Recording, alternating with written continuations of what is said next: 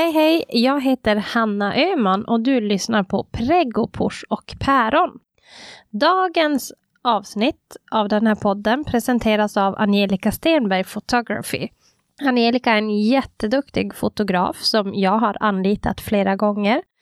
Hon har bland annat fotat våra gravidbilder och Angelica var faktiskt med på förlossningen, det planerade snittet av vår son. Om man som jag inte gillar att stå framför, framför en kamera, då är Angelica guld värd, för hon kan verkligen konsten att få en att känna sig bekväm, även om fotografering, som för min egen del är jättejobbigt i vanliga fall. Om du bor någonstans i närheten av Piteå och är ute efter en fotograf så kan jag varmt rekommendera dig att spana in Angelicas Instagram, Angelica Stenberg Photography.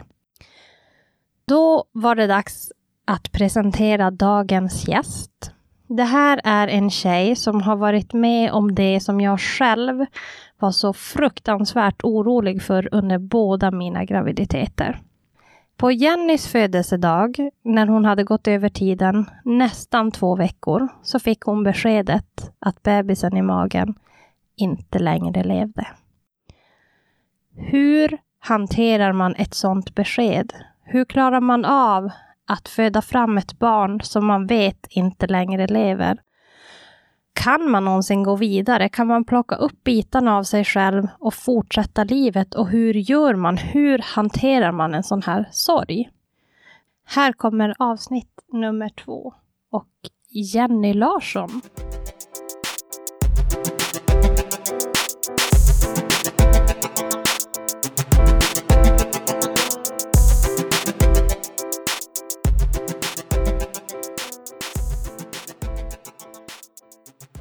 Hej Jenny! Hej. Välkommen! Tack.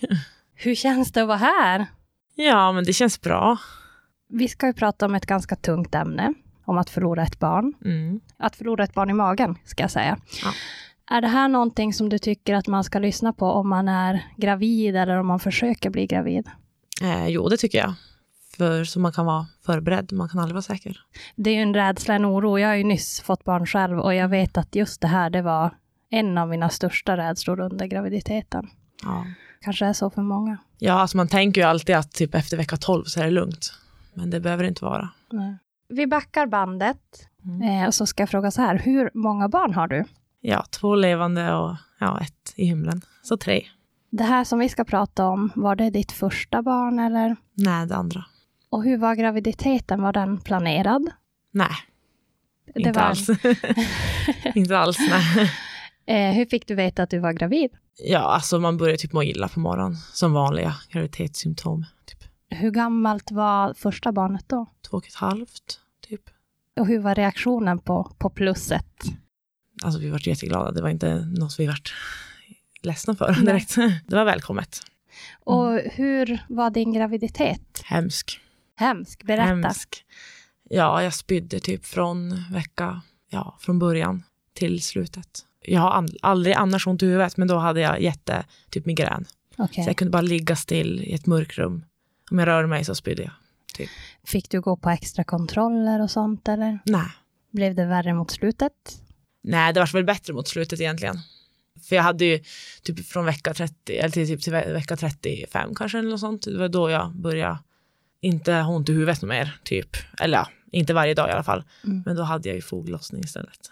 Aha, och när fick du det? När man börjar bli lite tung, Okej, typ.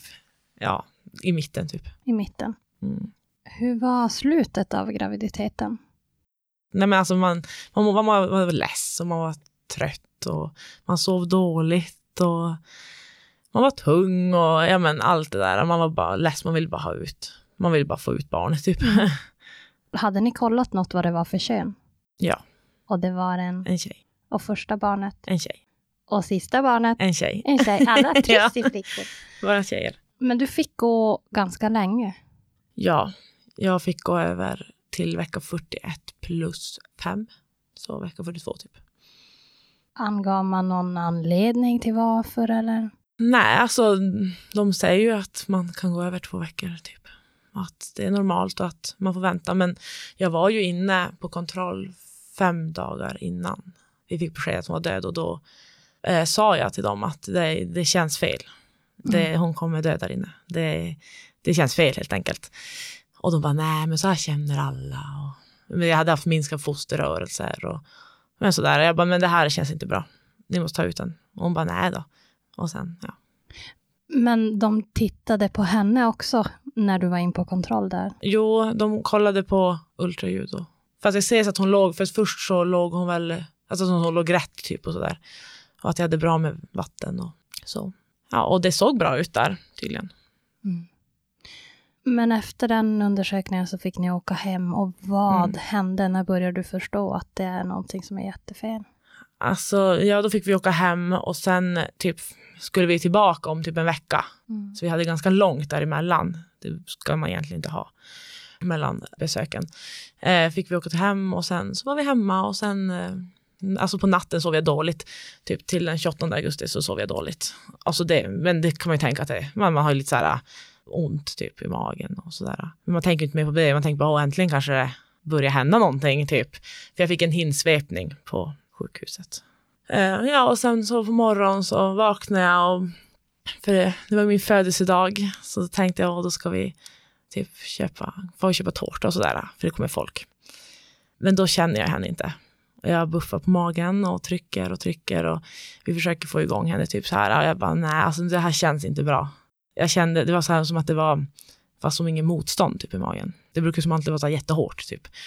Det var som att det bara får runt där inne typ. Så jag bara, nej det här känns inte bra. Så jag har en sån här, sån här doppler. Och jag hittar inte hjärtljuden. Så då, jag tänkte, ja, jag visste det. Så då lämnar jag Ronja på, hos mina föräldrar och får in och sa att jag hade minskat, alltså att jag inte kände barnet typ. Men när du kollade hjärtljudet och Mm. sådär och, och inte hittade det, Mm. jag, jag kan inte ens föreställa mig, vad tänker man? Ja, alltså man tänker ju kanske bara, ja men jag kanske inte hittar det bara. Mm. Men då är den ju så stor så att man borde hitta den vars på magen man än har den typ. Nej, alltså man försöker bara som, jag vet inte, tänka bara, nej men det kanske, inte vet jag, ligger långt bak eller ja men sådär. Mm. Men jag fattar ju längst in, alltså innerst inne fattar jag ju vad det var. Jag hade ju det på känn redan på morgonen, det kändes ju dåligt. Så då får jag in. Och vad hände där? Ja, då får man ju gå till ett sånt här rum.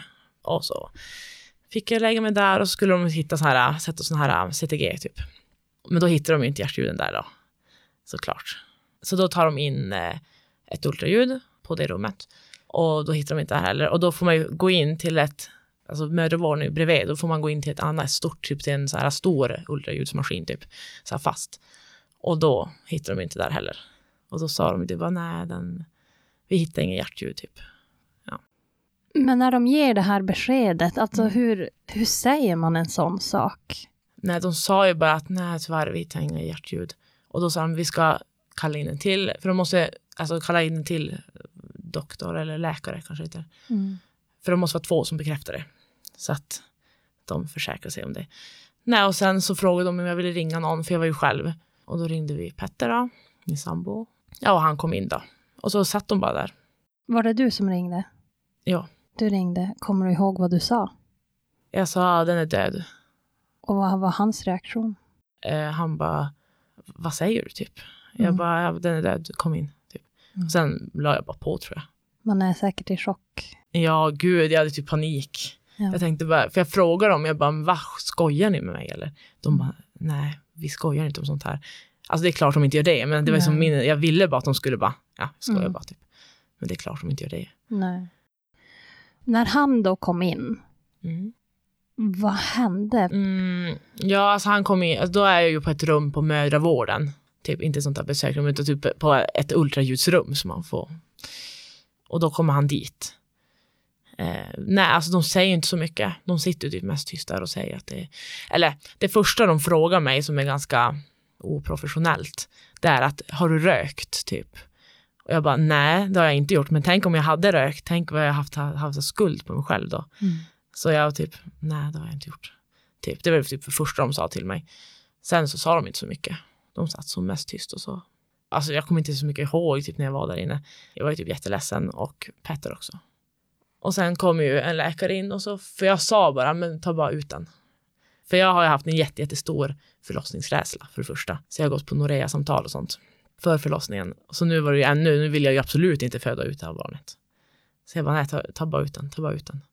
Och vad svarade de då? Ja, vi får se. Ja, du bara, det är inte den, det är ett barn. Jag bara, ja, såklart. Men mm. det är väl bara så man reagerar typ. Det kanske är någon slags eh, skyddsmekanism. Ja. Att det blir en den istället för hon. Jag tror det också. Men allting rasar ju bara för en. Nu mm. vill man bara ha bort, alltså, ta bort den från kroppen. Man vill inte ha något dött i sig. Nej. Så att. Men hur gick det då? Fick du något kejsarsnitt? Nej. Och hur länge fick du vänta? Man måste vänta ett dygn med, med de döda i magen innan man får bli igångsatt. Fick du stanna kvar? Ja, de sa till mig att ja, då kan du åka hem och komma hit imorgon. Och då sa jag, det kan ni fett glömma, sa jag. Mm. Jag tänker inte åka hem till ett hus fullt i babygrejer. Så jag varit inlagd på patienthotellet och fick vänta där. Men blir man erbjuden att prata med någon eller? Ja, det kom ju den här eh, sjukhuskyrkan, tror jag heter, som man sen får prata med om man vill. Eller ja, de kommer in under förlossningen, är de ju inne hela tiden nästan, mm. till och från. Och när det då drog igång sen, fick du cytotec? Eller? Ja, alltså då fick jag ju komma dagen efter, den 29 alltså, på morgonen. Och så fick man ju, man, de kollar ju om man är mogen typ. Och de sa ju att jag inte fick kejsarsnitt då, men det förstod jag ju nästan. Och då får man ju typ någon sån här, ja en cytotec typ. Mm. Egentligen får, ska man ju som, får man ju bara en eh, åttondel om man får en vanlig igångsättning. En åttondel av den där tabletten. Men jag fick en hel tablett direkt. För de behöver inte tänka på barnet, de behöver bara tänka på mig. Och egentligen ska man ju dricka den, men jag fick den andra vägen. Så att, eh, och sen typ tre timmar senare så fick jag en till sån. Och sen var det, då var det igång alltså.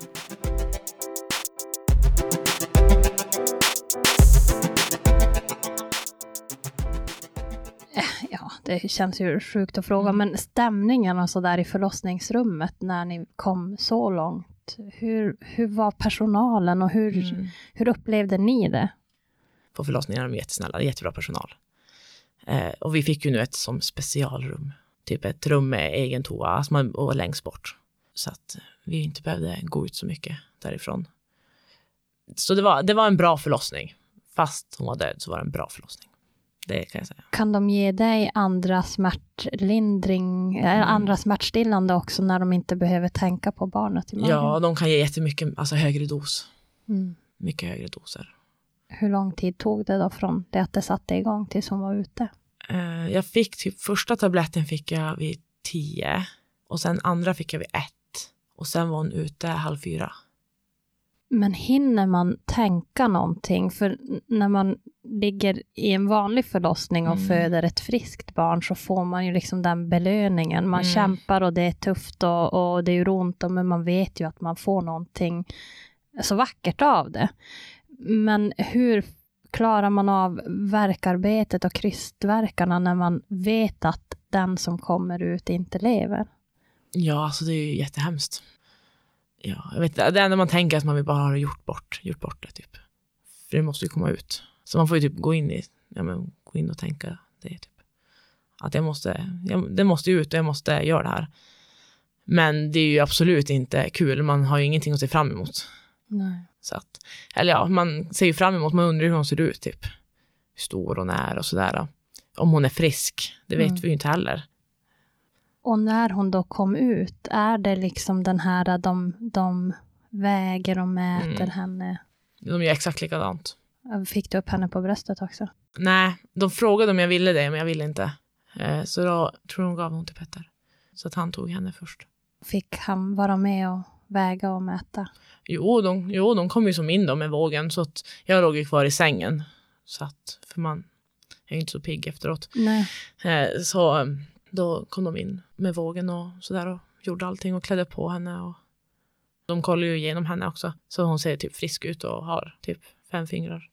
Hade ni med er egna kläder? Ja, så satt på henne kläderna och filt och ja men fixa en balja typ. Fast nu var det en annan balja. Det är ju som en kylbalja typ. Ja.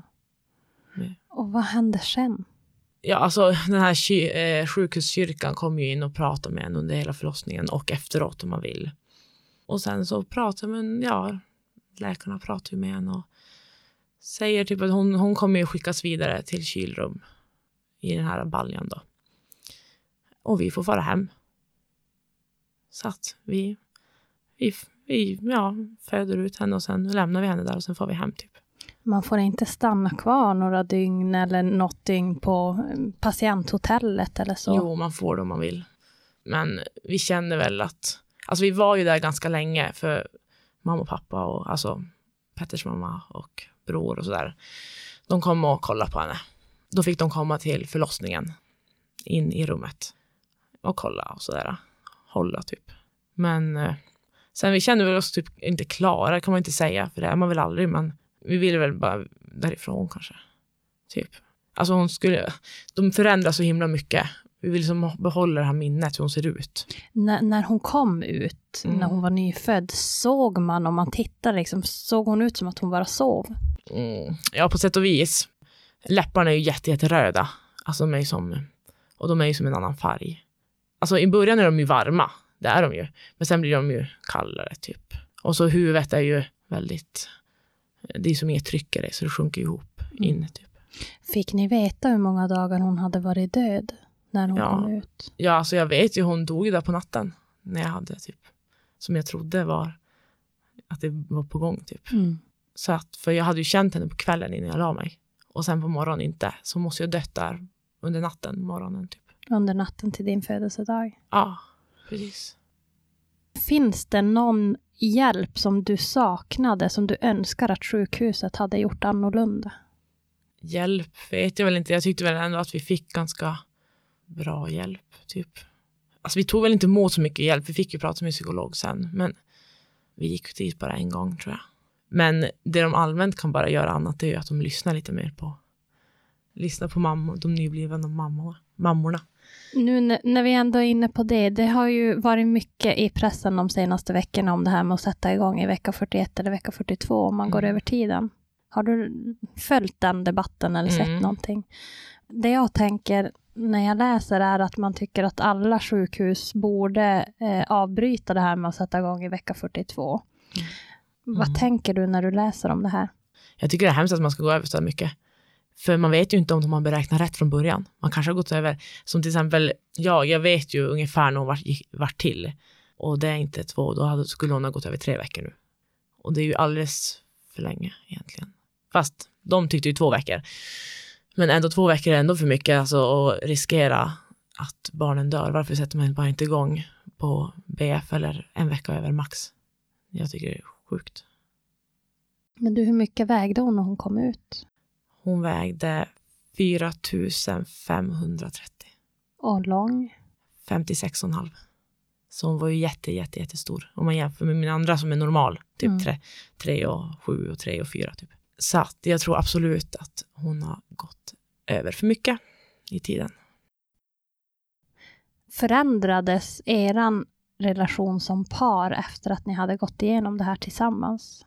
Mm, ja, inte till det sämre i alla fall. Som var det bättre att vi var typ mer starka. Tror du att det kan vara så att det blir så för de flesta eller tror du att det kan vara lätt att det går åt andra hållet? Det är nog lätt att det går åt andra hållet. Det beror lite på säkert hur man tar det. Alltså hur man bearbetar typ sorgen och sådär. För det är ju en väldigt tuff tid efteråt med allt med begravning och allt sånt där som man ska fixa och ha sig. Mm. Så det tar ju mycket på varandra, alltså på förhållandet. Mm. Hur gjorde ni då för att bearbeta det här tillsammans? Ja, alltså Petter han är ju väldigt tyst. Så att jag vet inte riktigt. Han har väl, han vet jag faktiskt inte vad han har gjort alltså. Mm. Medan jag är väldigt öppen typ och pratar mycket och jag hade problem att prata om det. Så jag pratar mycket så att jag tror det är det som har hjälpt. Att man bearbetar samtidigt som man berättar. Ja, precis. Att man, jag tror det är viktigt att prata om det. Att man inte stänger inne sig. Att stäng, ja, stänger det inom sig. För jag tror det är då det blir svårt.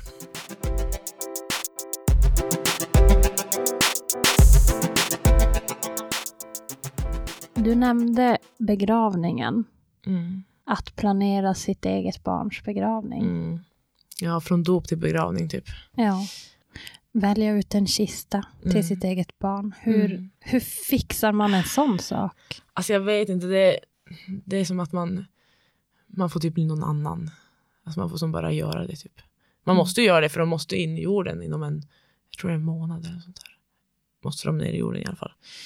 Nej, alltså, ja, det är som bara välja typ. Mm. Och så kom begravningen Ja, och då hade ni samlat. ja familj typ och vänner. Mm. Ja, och då, alltså den var jättefin. Så att, men det är ju lite, alltså det är ju som fel att stå där. Men man måste ju det så. Du nämnde familj och vänner. Hur reagerade de på allt som ni hade, som ni gick igenom? Mm, ja, alltså de var ju jätteledsna såklart. De hjälpte oss, mina föräldrar hjälpte oss jättemycket med Ronja då, alltså min äldsta dotter. För vi kunde inte ha henne de första dagarna. Då låg vi ju bara hemma typ. Så att, nej men de har ju stöttat oss, pratat mycket med oss och sådär. Ja, funnits där, hjälpt oss. Har du någon gång känt så här att folk, för det här är en fördom som jag har när man har, när man har Mm. varit med om någonting jobbigt, det kan vara det ni har varit med om eller någonting annat, så kan jag ibland uppleva att man blir undvikt. Und, undviken, undvikt. Att folk kanske tar en eh, omväg om de ser en på ICA eller att man kanske inte vågar ta ögonkontakt och ens hälsa. Eller man vet, egentligen tror jag inte att det är något elakt, utan att man kanske inte vet hur man ska bete sig. Mm. Var det någonting som ni upplevde? Nej, alltså våra kompisar har ju typ varit jättebra. Eller typ alla. Jag vet inte, om det är för att det är kanske ganska öppen så att de vet att det kanske går att prata med Mm. mig. Jag vet inte. Alltså jag tänker bara att det kanske är bra att berätta om det och så att det kommer ut. Så att, ja men typ, ja, det är ju ett minne för Alice typ, tänker jag. Hur gammal skulle hon ha varit nu? Två i augusti. Mm. Mm. Och det är ju klart ett sätt att komma ihåg henne på också, Ja. att få berätta. Har det alltid varit så här att du har kunnat prata om det utan att bryta ihop? Mm. ja, jag har, jag har inte så lätt för att gråta typ. Så att det har som inte varit något problem, tror jag. Jag vet inte, jag tror det är bara en försvarsmekanism kanske i kroppen som Mm. gör att man kan prata om sånt. Händer det någonsin att du eller att ni funderar eller fantiserar om hur livet hade sett ut om ni hade haft alla tre barnen i livet?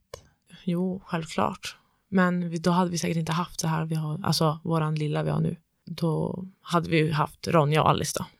Men eh, man tänker på typ hur hon skulle vara nu, alltså hur, hur stor hon skulle vara, vad hon kunde göra nu. Alltså man ser ju typ barn som är vid två. Tänk ja men så skulle hon också ha gjort typ. Det är typ så man tänker.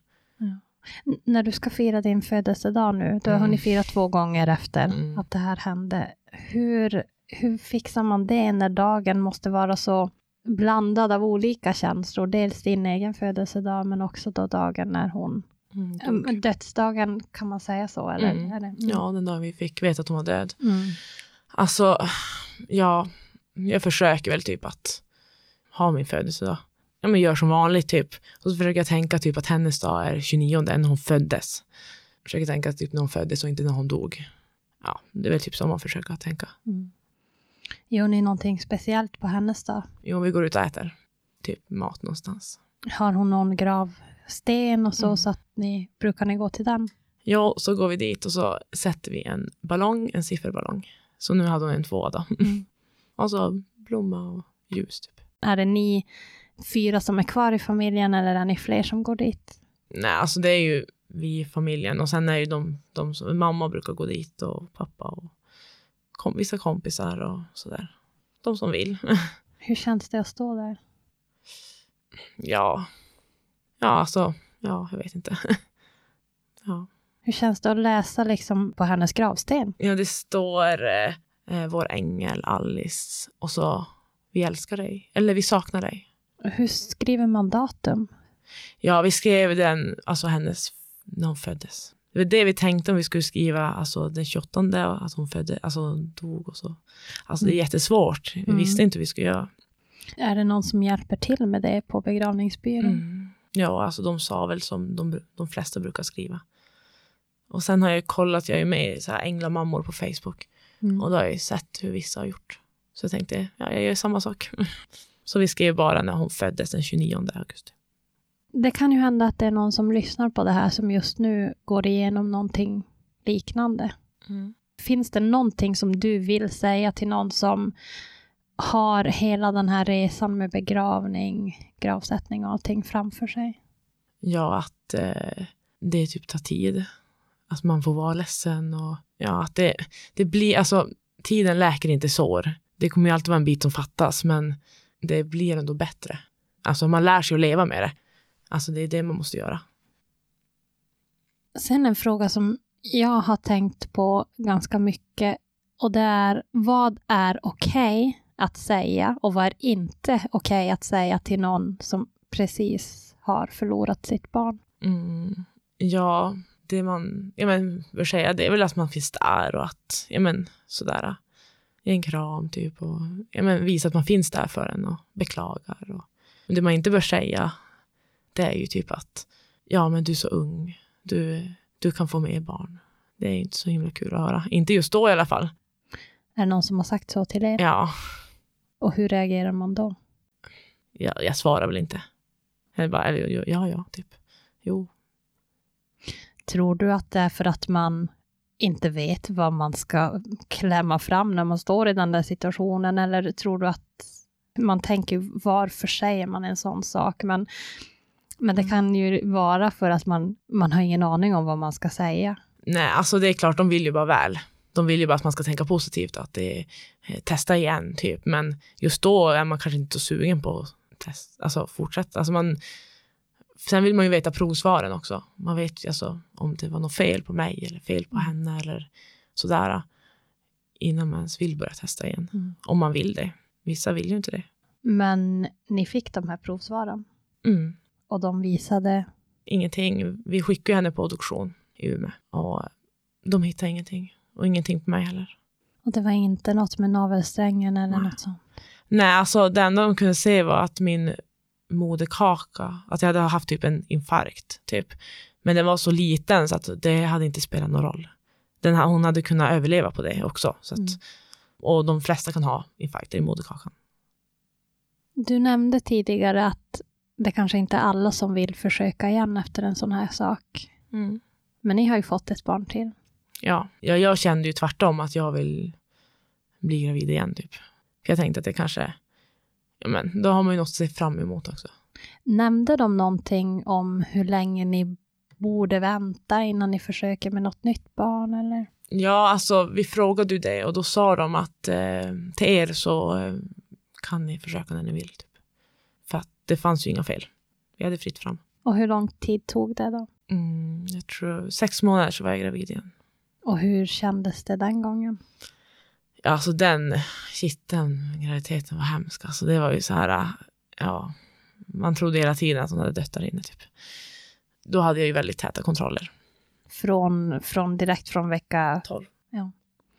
Gick du någonsin och pratade med någon kurator eller psykolog eller något sånt? Ja, alltså en gång gick vi till psykolog. De erbjuder det på Sunderbyn. Men eh, inte annars. Mm. Jag började jobba typ en och en halv månad efter förlossningen. Det var kanske det min terapi var. Mm. För att komma ut och göra något.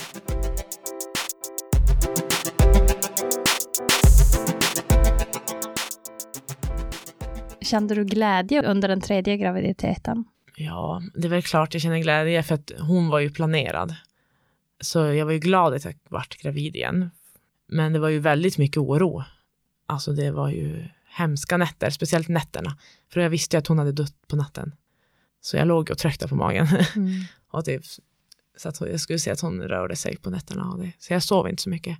Kände du dig trygg med de extra möten du fick gå hos MVC under graviditeten? Ja, gud, alltså det var jätteskönt. Jag hade ju ultraljud tror jag var fjärde vecka. Och sen i slutet så hade jag ju mer, alltså of, mer ofta, typ nästan varje, nej men typ varannan. Och så få in på CTG ofta och jag fick ju komma, det var ju mer öppna armar. Alltså, nu var det ju inte något så här, äh, ligg hemma på sidan och drick saft typ och känn om den har sparkat. Nu var det inte så, nu var det så att du kommer in direkt typ. Så jag behövde inte känna mig i vägen. Så det var ju skönt och det var, det var väldigt positivt med mer kontroller.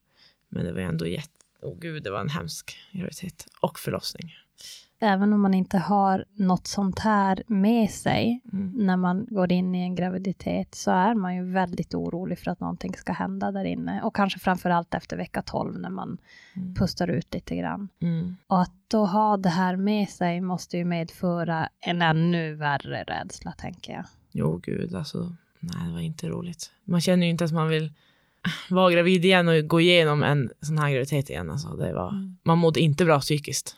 Verkligen inte. Kunde ni prata med varandra om det? Alltså vi pratade inte så mycket Nej. om sånt egentligen. Så att, men det är klart, han visste ju att jag var nervös och det var väl kanske han också, antar jag. Men han var nog inte lika nervös som jag var. Mm. Nej. Gud nej. Jag hade den där stressen att jag måste alltid känna att hon rör sig typ.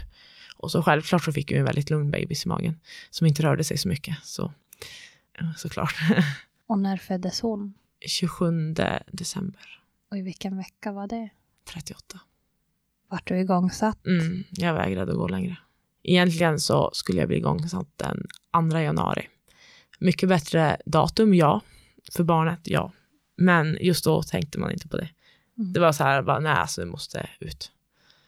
Bara hon lever. Ja, bara, alltså hon måste bara ut, bara hon lever. Alltså hon måste bara leva. Och förlossningen, det, det blev en vaginal förlossning? Ja, och det var en bra, det var en snabb förlossning, inte för det är ju igångsättning och det, det var ju bra, men det var ju jobbigt den här, då tänker man ju typ, tänk om hon dör under förlossningen eller så där, det är då man, alltså ja, man blir jättenervös. Och när hon då kom ut sen och levde? Ja, det var det första jag frågade. Mhm. Lever hon? Hon skrek inte? jo, men kanske inte direkt direkt. Nej. Men det var ju typ det första som jag frågade, alltså hann väl kanske inte ens ploppa ut innan jag frågade. Det var det första jag frågade och sen hörde jag att hon levde. Och då var det så här, oh, typ. Mm. Men då kommer det räds- rädsla sen också, att, hon, att de ska dö sen också. Så det har jag fått jobba jättemycket med. Jobbar du med det själv eller har du hjälp av någon? Nej, med mig själv såklart, som Mm. alltid annars. Nej, men, nej, alltså jag försöker tänka positivt. Alltså det är klart, det är ju inte positivt någonting, men jag försöker tänka positivt ändå. att Nu är det så här, typ. Nu måste jag leva med det här, typ. Jag, jag måste typ göra vardagen och jag måste finnas för mina andra barn. Vara glad och så. Om du inte hade haft, eller om ni inte hade haft fler barn, Mm. tror du att du hade kunnat lära dig att acceptera det här och leva med det lika bra, om man nu kan Mm. kalla det bra, men, men hade, du, hade du kunnat le- leva med det på samma sätt? Mm, alltså jag vet inte. Det, som, det var ju skönt att ha ett till barn och hon var ju två, ett halvt eller något sånt där. Då var man ju tvungen att gå upp och man var tvungen att göra mat och man var tvungen att ta hand om henne. Så man kom ju igång med vardagen fortare när man hade hon. Annars om man inte skulle haft ett barn, alltså då hade man ju lättare tror jag att bara lägga kvar där. Men det är som du säger, man måste upp och man måste se till att det barnet man har i livet har det bra. Mm. Ja, det är det. Man måste, ja, man måste ju jobba för att få pengar och kunna ge mat. Och, ja, men alltså det är ju så. Man Mm. måste ju göra det. Så det är väl lättare säkert när man har ett barn då. Om du skulle kunna gå tillbaka i tiden Mm. och prata med dig själv efter ni hade fått beskedet och ni visste, du visste att jag kommer måste föda ut henne vaginalt Mm. och det kommer bli en sjukt tuff tid här framför oss. Om du skulle kunna gå tillbaka och prata med dig själv, viska någonting i örat, vad skulle du säga då? Ja, gud, jag vet inte. Just då såg man ju bara svart. Så att det, det blir bättre kanske. Eller bättre, men det är inte direkt att man glömmer bort hon, men man, man lär sig att leva med det. Alltså det, ja, att det blir bättre, typ att det blir ljust igen. Typ. Alltså, Mm. ja. Tror du att du har kunnat hantera all smärta och all ledsamhet på grund av hur du är som person? Ja, det tror jag. Jag är ju väldigt sprallig typ av mig. Och försöker typ alltid vara glad. Och, eller alltså, jag är oftast glad och försöker vara se positivt på allt. Så jag tror det har hjälpt mig ganska mycket. Verkligen. Man kan ju aldrig säga att jag förstår dig, för det kommer Mm. jag, jag kommer aldrig att förstå om jag inte har varit med om det själv. Men man tänker ju att det måste vara så oerhört svårt att liksom plocka upp sig själv från golvet, trasorna av det som är kvar av en själv och liksom bygga ihop sin egen person igen och klara av att gå vidare. Ja, gud, det är hemskt. Alltså det har varit jättetufft. Mm. Man har ju mått jätte, jättedåligt. Verkligen. Alltså det är alltid något som kommer fattas. Så är det ju. Familjen är aldrig fulltalig. Nej, nej gud. Alice finns Mm. inte längre kvar. Vad heter de andra två? Ja, Ronja är ju den äldsta. Hon, hon har ju sett henne. Hon var ju på sjukhuset. Hon fick ju komma och kolla på henne. Och hon är på begravningen. Och så hon kommer ihåg. Hon säger ju att Alice är uppe i himlen. Att hon eh, vinkar till mig och sådär. Medan hon som är nio månader, hon vet ju inte Nej. såklart. Kommer ni att prata med henne också om Alice? Ja, Jo, gud, det, blir ju, det är ju som i vår vardag. Alltså, vi går ju till graven och ja, men, fixar det här och det. Så att det kommer hon ju få vara med på. Men hur säger man, när ni berättade för Ronja då att lilla syster som hon kanske gick hem och väntade på inte kommer. Nu var ju hon så liten så att det är klart att hon inte förstod riktigt, men jag gissar att ni på något sätt berättade. Mm, ja, vi sa exakt som det var. Vi var typ ärliga. Alltså det rekommenderar de oss att vi skulle vara. Att man inte ska typ säga att de sover och sådär. Det ska man inte säga, utan man ska säga att de är döda. Att de inte finns. Och, alltså att de finns men ja, att de inte lever. Mm. Man ska berätta det. Och att det är bra att, de, att typ om man har syskon, att de ska komma och kolla på dem så att de förstår. Typ, och, men vara med på så mycket som möjligt. Så att, ja, vi sa som det var att eh, ja, hon var död. Typ. Och att eh, hon är uppe i himlen, det är det vi sa. För det är lättare för henne att förstå, tänker jag. Ja. Att hon, nu, hennes kropp är i jorden. Och, Var hon med på begravningen? mm, det var någon fråga, de har ju ganska mycket frågor typ. Och att fick man säga, jo kroppen är där i kistan och så.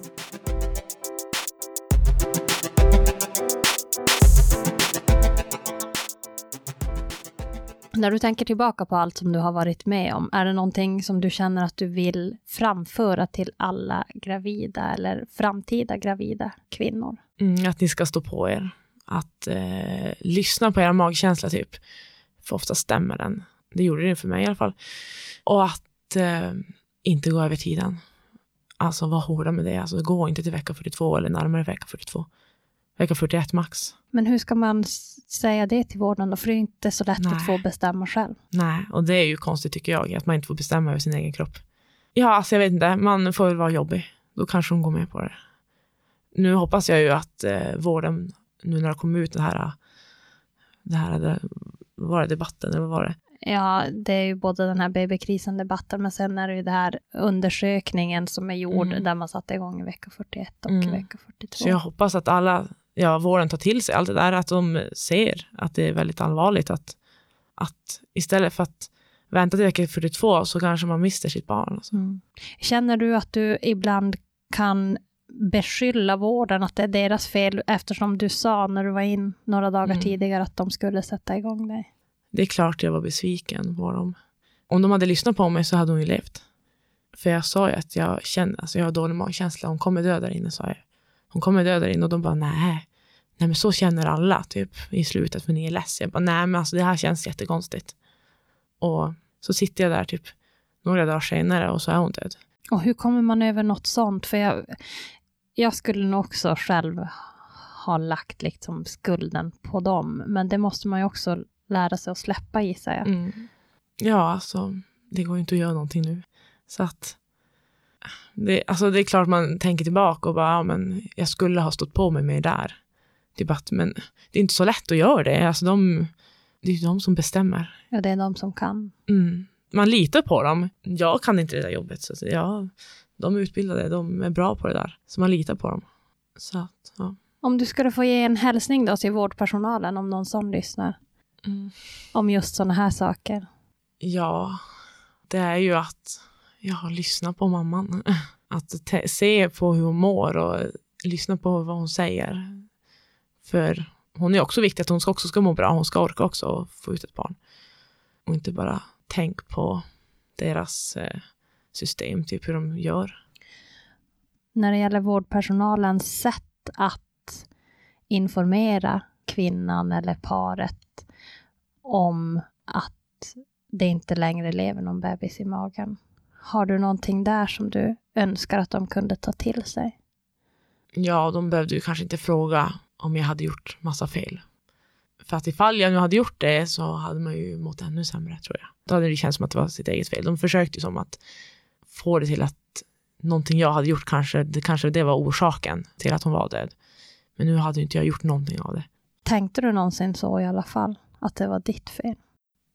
Kanske där i början, men sen försökte som, alltså vad ska jag ha gjort fel? Alltså jag har ju varit jättenoga, typ med allt som man ska göra, följt alla de här äh, rekommendationerna och allt sånt där. Så jag försökte inte tänka så, för att om man tänker så så blir man ju mer ledsen och lägger skuld på sig. Så jag försökte tänka att det var otur, som de sa att det var. För att jag har ju, alltså jag, jag är inte gammal för att få barn, jag Mm. Hur gammal är du? 25. Och då var jag 23. Jag hade som inga, jag röker inte, jag snusar inte, jag dricker inte, jag knarkar inte. Alltså, jag har, jag frös in pålägg. Alltså, jag gjorde allt som man skulle göra. Så att, Mm. ja. Hur tänker du nu om du kommer och kör med bilen till exempel och ser någon som är gravid står och blossar? Ja, alltså jag tänker ju typ jävla idioter, får man säga så? Nej, men alltså jag, tänk, jag tänker så, men eh, det är deras val, absolut. De gör som de vill, men jag tänker bara, ni vet inte vad ni kan mista, typ. Vad ni kan få gå igenom. Men jag kan inte säga någonting, det, de gör ju exakt som de vill. Deras val. Nu har ni ju tre barn, två i Mm. livet och en i himlen. Vill ni ha fler barn? Ja, nej. Alltså vara gravid igen, alltså nej, det tar emot och en förlossning igen, det tar emot. Alltså. Det är klart, barn är ju, det är ju kul att få, en världens gåva. Men just det där vägen till dit, den var jobbig. Är det någonting annat som du känner att det här behöver man få höra? Att eh, ta mycket bilder som man har alltså, kvar. Man har ju minnet kvar, men det är väldigt, väldigt skönt att ha massa bilder på sin bebis. Och tänka på att man tar vara på tiden innan de ska ner i jorden helt enkelt. Vi valde ju dock att se henne på förlossningen såklart och var det två dagar senare, då de får ju till kylrum och se henne då och fixa till i kistan, lägga typ vad vi ville, fixa till och byta kläder och vi valde att ta bort hennes kläder och ta hem dem och sätta nya kläder på henne. Så vi hade kvar filten, kläder och sådär som ett minne typ. Men sen valde inte vi att se henne mer. Man kan ju se dem innan, typ tre veckor efter eller fyra veckor innan de begravs. Men det valde vi inte att göra för att de förändras så mycket. Vi vill ha kvar som minnet hur hon såg ut. Men massa bilder. Och kanske ta hand och fotavtryck och så här, med så här lera typ. Kanske klippa lite om de har hår och klippa av det lite grann och sådär. Det gjorde vi. Mm. Mm. Men ni fick några tillfällen på er att ta farväl. Ja, ja alltså vi fick ju se henne så mycket vi ville tills hon skulle begravas. Men vi valde ju bara att få en gång till. Var det jobbigt att se hur hon förändrades? Ja, alltså hon hade ju förändrats bara lite grann. Alltså, när hon kommer ut så är de ju mjuka såklart. Mm. Så som babys. Men sen blir de ju som stela när de har legat där i kylrummet. De är ju som hårda och kalla bara. Mm. Som en fryst babys. Typ. Och det, det, det var ju typ, det var ju väldigt jobbigt. Så därför vi valde inte att se henne mer. För då hade hon inte, som inte förändrats så mycket. Det var mer färgen som hade förändrats. Men inte utseendet. Jag hoppar hejvilt bland mina frågor och det kan hända att jag har missat någon. Så innan vi avslutar så vill jag bara höra, är det någonting annat som jag har missat som du tänker att du vill berätta? Jag tror jag sagt allt. Jag har också en liten lyssnarfråga. Elin som undrar så här. När ska man ringa in till förlossningen om man har en känsla av att någonting är fel? Direkt. Absolut direkt. Alltså man säger, alltså då ringer man ju in och säger att man har minskad fosterrörelse, så är det ju oftast. Och då säger de att man ska, ofta säger de att man ska lägga sig på sidan och dricka saft eller något sött och allt sånt där. Nej, säger jag. Jag säger att man ska åka in direkt. Om de säger, ber en lägga sig på sidan och dricka saft, då säger man det har jag gjort. Så åker man in direkt. Man ska inte hålla på och vänta. Oftast är man så himla snäll. Att man vill, inte, man vill liksom inte vara till besvär. Och bara jo, jo, typ jag lyssnar. Typ. Men nej, man ska stå på sig. Alltså. Det handlar ju om eh, sin bebis och sig själv. Så då får man vara till besvär. Finns det någonting som du känner att du önskar så här i efterhand att du hade gjort annorlunda? Antingen under graviditeten eller efter att ni hade fått beskedet att hon inte levde längre. Ja, alltså det var ju att, eh, att jag skulle kanske ha stått på mig mer då. När jag hade den där känslan att hon inte kommer alltså hon, att hon mår dåligt där inne, typ att hon kommer dö. Jag hade ju den känslan. Men det är klart, när de säger till en att ja, men så känner alla att du har gått över tiden, du är less typ och det är tungt och du har mått dåligt hela graviditeten. Det är så man kan känna. Då tänker man bara jo, jo, men det är klart. Så Mm. kan man ju känna. Men det är väl det jag ångrar, att då kunde jag stått på mig och typ nej, nu tänker inte jag gå över något mer. Nu ska hon ut, typ. Du sa själv att ni hade gått och träffat en psykolog en gång, men, men eh, så nämnde du också ett Facebook-forum. Är det något som du kan rekommendera för andra som är i liknande situation för att få hjälp där?